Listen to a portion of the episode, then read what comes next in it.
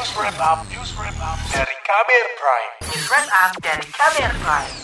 Saudara, vaksinasi menjadi salah satu faktor mencegah penularan atau risiko buruk ketika seseorang terinfeksi COVID-19.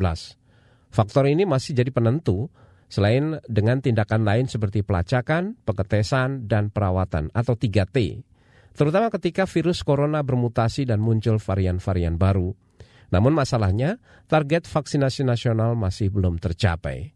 Lalu bagaimana upaya meraih target itu?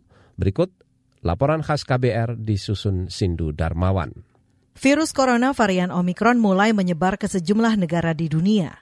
Varian ini pertama kali terdeteksi di Afrika Selatan pada 9 November 2021 dan membuat kasus di negara itu melonjak drastis. Pada awal November, Kasus baru corona di Afrika Selatan tercatat seratusan per hari. Angkanya juga fluktuatif hingga 9 November atau hari di mana varian Omikron terdeteksi. Setelah itu tren kasus cenderung naik. Akhir pekan lalu, kasus baru di sana mencapai lebih dari 6.000 orang per hari. Epidemiolog dari Universitas Griffith Australia, Diki Budiman menyatakan vaksinasi COVID-19 masih efektif melawan mutasi baru tersebut, meski varian Omikron berpotensi lebih infeksius dan menular ketimbang Delta sifat lebih mudah menginfeksinya ini kemungkinan ya. Ini pun saya harus sampaikan ini adalah data awal yang harus kita cermati tapi ini merupakan peringatan karena kemungkinan 500% lebih apa, lebih cepat menular dibandingkan dengan virus uh, asli atau uh, virus liar yang ditemukan di Wuhan. Sebagai gambaran delta itu 100% lebih cepat menular daripada uh, varian uh, liar atau virus liar di Wuhan. Dan kalau 500% tentu ini menjadi berita yang sangat sangat harus kita waspadai. Kementerian Kesehatan juga menegaskan belum ada konfirmasi apakah Omikron tahan terhadap vaksin COVID-19 yang saat ini beredar. Namun, fakta yang sudah diketahui adalah varian ini memiliki transmisi penularan yang cepat. Karena itu, pemerintah terus berupaya memenuhi target vaksinasi untuk membentuk kekebalan komunal. Target kekebalan yang dikejar pemerintah ialah 208 juta atau sekira 70 persen populasi penduduk Indonesia. Pemerintah berulang kali mendorong masyarakat agar segera divaksinasi.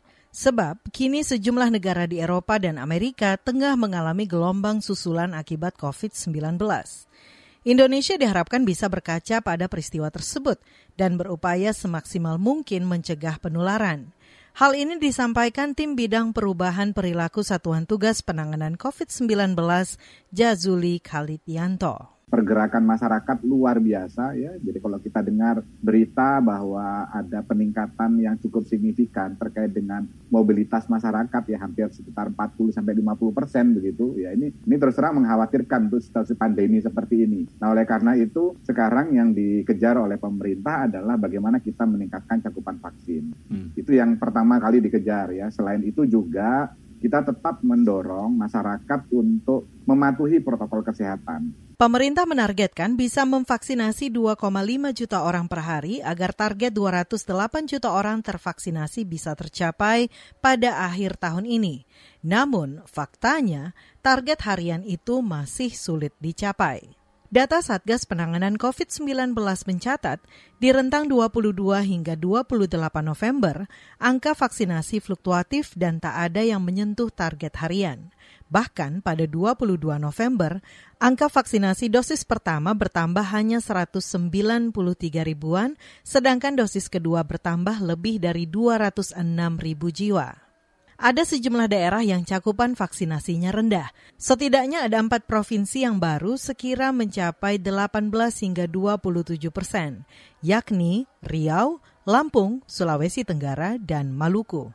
Penyebabnya antara lain karena hoax soal vaksin. Selain itu, cakupan vaksinasi untuk lanjut usia juga rendah.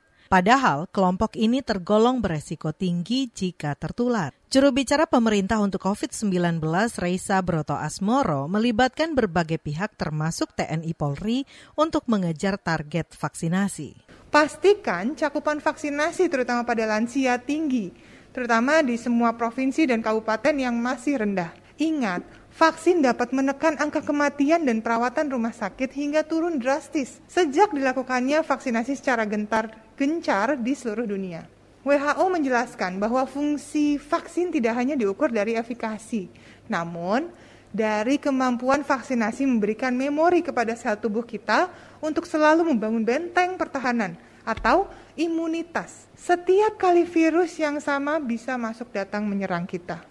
Hingga tadi malam, data Satgas COVID-19 mencatat lebih dari 90 juta jiwa warga Indonesia sudah menerima dosis lengkap vaksin COVID-19.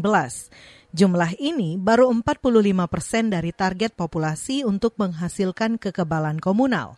Sedangkan jumlah penerima dosis pertama tembus 60 persen atau sekitar 138 juta jiwa. Demikian laporan khas KBR, saya Aika Renata.